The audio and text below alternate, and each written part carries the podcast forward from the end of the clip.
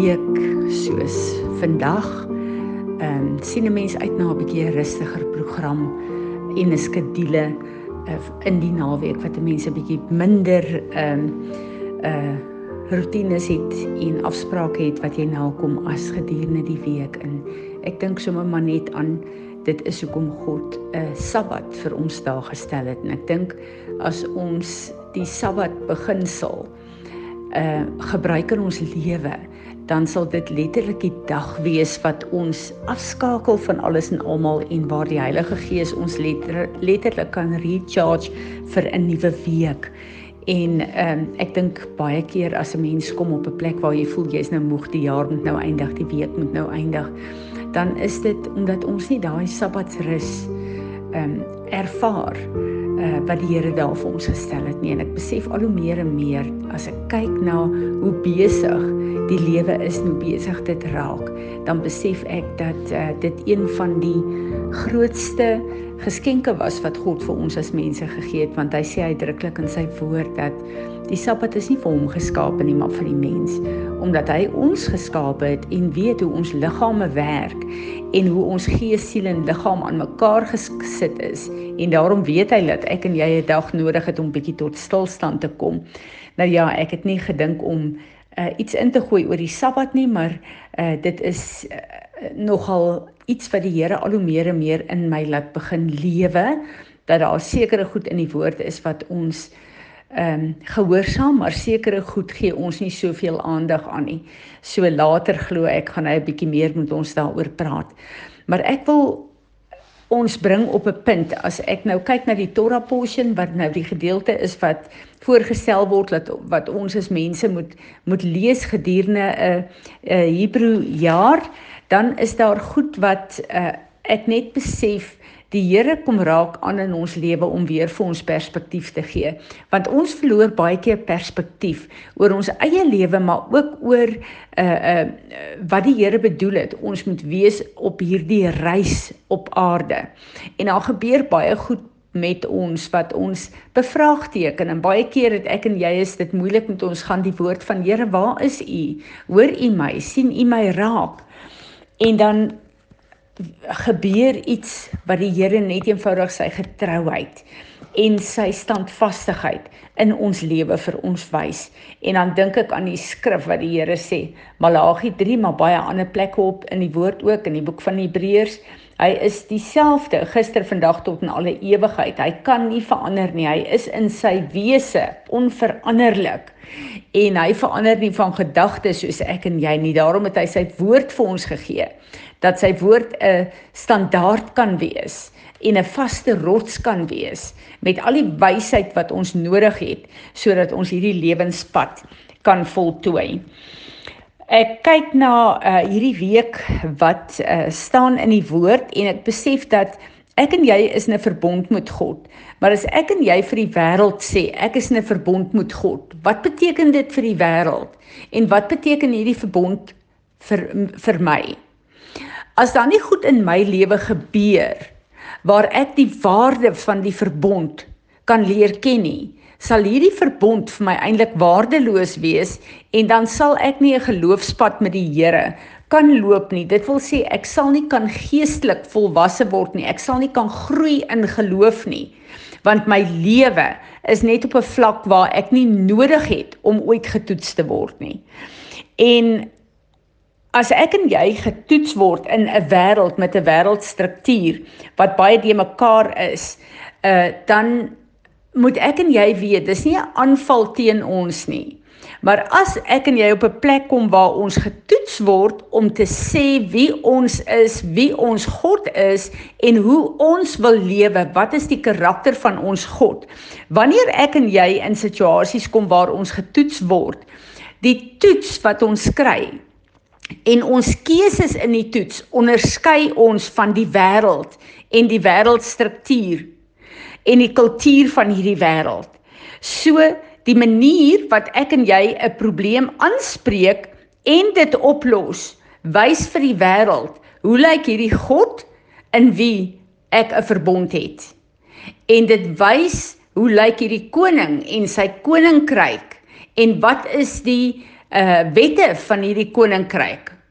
Wat is die grondwet van hierdie koninkryk? Hoe gee ek myself vir die wêreld as 'n getuienis in hierdie plekke van toetsing? En nou dink ons, waar word ons oral getoets? As ons maar net dink, hoeveel toetse kry ons? Hoeveel keer kom ons by 'n kruispunt wat ons kultuur betref, wat ons vriende betref, wat ons familie betref? Ek het nou onlangs weer 'n situasie waar uh jong kinders van die Here sekere keuses moet neem om anders te begin dink en op te tree as hulle vriendekring. En hierdie is 'n kruispunt. As jy skielik vir jou vriende sê iets is nie meer aanvaarbaar vir jou nie, maar dit was altyd aanvaarbaar en dis deel van hulle kultuur in hierdie vriendekring. Dit is hoe hulle optree, dis hoe hulle partytjie hou, dit is hoe hulle praat, dit is hoe hulle eet, dit is elke faset daarvan. Jy was deel daarvan. Nou is jy wedergebore. Nou is jy by 'n kruispunt. Wat gaan jy kies hier? En die keuses wat jy maak en hoor mooi met die gesindheid wat jy dit doen, gaan vir jou vriende wys Hoe lyk die koning van hierdie koninkryk waarin jy nou lewe? En hier wil ek dit onderstreep julle. Baie keer kom ons en ons kry die waarheid van die woord en die Heilige Gees kom was ons met die woord Efesiërs 5 vers 9 eh, vers 26. Hy kom was ons met die waarheid van die woord en dan is ons skoon gewas van sekere goed wat ons kom besmet het. Maar nou wil ons kom met hierdie plek van openbaring, hierdie plek van redding, hierdie plek van verandering wat die Heilige Gees ons bring en dan kom ons met 'n verkeerde gesindheid.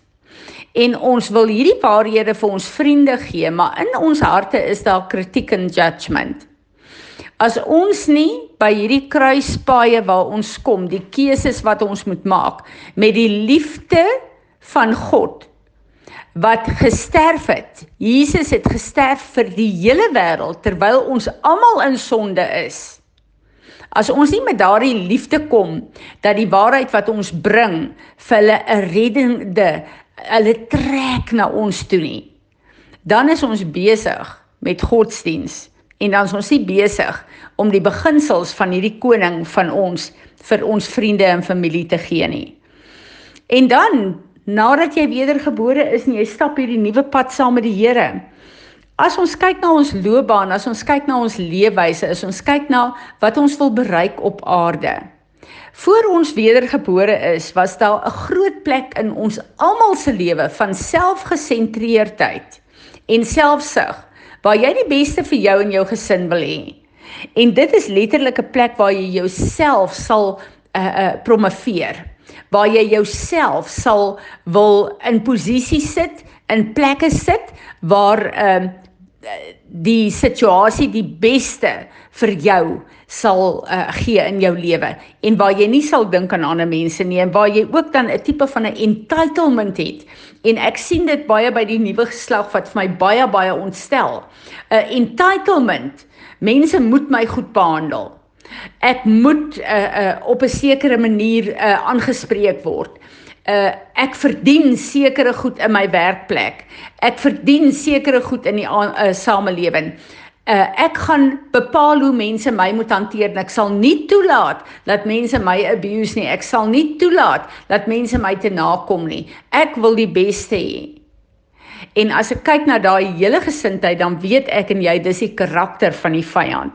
Daai selfpromosie en daai entitlement om sekere goed vir jou toe te eien en te dink die lewe en ander mense skuld jou sekere goed. En dis letterlik 'n kruispunt waar jy radikaal moet verander want nou is jy in die karakter van Jesus Christus. En dit beteken jy gaan in 'n plek in waar jy nederig en dankbaar is vir alles wat die Here jou toelaat om te geniet wat jy nederig dankbaar is as jy 'n gesin het, as jy 'n uh, 'n uh, 'n huis het, as jy 'n motor het, as jy al die goed wat ons van selfsprekend aanvaar. Dat dit omkeer in 'n plek van diep diep dankbaarheid. Weet julle uh, die afgelope tyd um, Johan was Kaap toe gewees met ons uh, voertuig wat 'n uh, baie goeie lekker outomatiese voertuig is en ek moes met die bakkie, hy het 'n bakkie wat hy baie lief is vir, wat 'n redelike ouer weergawe is wat nie 'n kragstuur het nie. En ek moes uh, met die bakkie ry intussen tyd.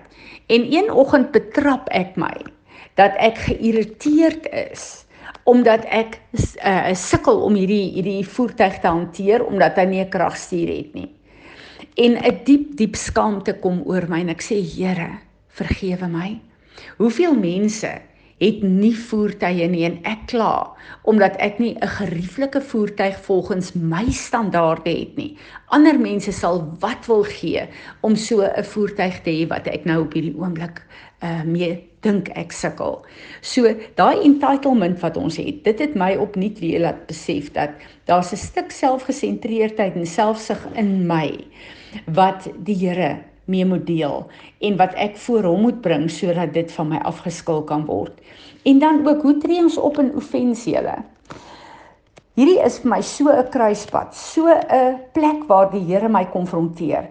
Want wil ons altyd onsself reg bewys? Veral wanneer ons offend word en mense ons beskuldig van goed wat nie die waarheid is nie. Het ons hierdie hele gesindheid van ek wil net wys dat ek is opreg en ek is reg in hierdie hele uh, plek van offens.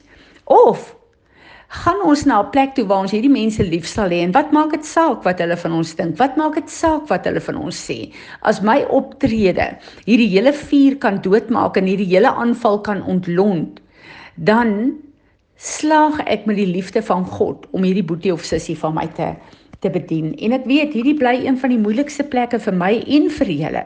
Maar ons moet weet dat elke keuse wat ek en jy maak het 'n gevolg. En iets wat ek uitgevind het en ek wil hierdie ding letterlik highlight. Die keuses wat jy maak en die manier wat jy ander mense behandel, bepaal jou lewensvreugde en die vrede in jou lewe. En die Here sê vir ons duidelik in soveel plekke in die woord, maar ek hou van Nehemia uh, Nehemia 8 vers 11. Die blydskap van die Here is jou krag en jou beskerming. So hierdie is 'n baie baie belangrike ding. As jy blydskap en vrede in jou lewe wil hê, maak die regte keuses by die kruispaaie in jou lewe en veral hoe jy mense se lewens aanraak. As jy bietjie mooi sit en dink, jou werkplek, jou familie, jou gemeenskap, ehm um, jou huisgesin, hoe lyk die mense se lewens wat jou keuses betref nadat jy verby hulle beweeg? Want die keuses wat jy maak, die woorde wat jy sê, die manier wat jy hulle behandel, gaan 'n effek op hulle lewe hê. Is dit 'n effek om hulle nader aan God te bring? Of het dit 'n effek van ek wil net nie naby hierdie persoon wees nie. Ek wil net nie sekere knoppies in hierdie persoon. Jy loop op eiers om sekere mense. Want jy weet as daar 'n verkeerde knoppie gedruk word, gaan hulle 'n uitbarsting hê.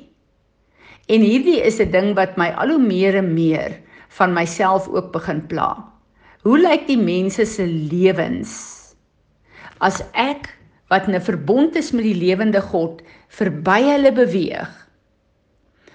Los ek die geur wat lewe bring van Jesus in hulle lewe? Of los ek die geur van dood wat die karakter van die vyand is? Mag die Here ons help en mag ons versigtig wees oor hoe ons lewe en hoe ons 'n getuienis is vir hierdie God hierdie koning van die koninkryk waarvan ek en jy ambassadeurs is op aarde. Vader God, ons kom buig in afhanklike, nederige aanbidding voor U in hierdie oggend. U is die verbondshoudende God. Vader, ons wil kom en ons wil kom vergifnis vra vir ons selfsug in ons selfgesentreerdheid. Ons wil kom vergifnis vra Here vir ons entitlement dat dit met ons goed moet gaan en laat mense ons goed moet behandel. Asseblief vergewe ons in die naam van Jesus. Maar Heilige Gees, kom was ons met u woord opnuut en help u ons om te lewe op 'n manier wat vir U aanneemlik sal wees. Help ons om te bedink dit wat ons doen, Here. Help ons om U in ons fokus te hou en om U te behaag in alles wat ons doen en sê. Ons het U nodig. Ons kan nie uit ons eie uit dit neem doen nie. Ek bid Here dat U ons sal kom bekragtig. Heilige Gees, dankie dat U ons leer en lei in die volheid van ons Vader. Here Jesus, ons aanbid U as ons Heer en Meester. Amen.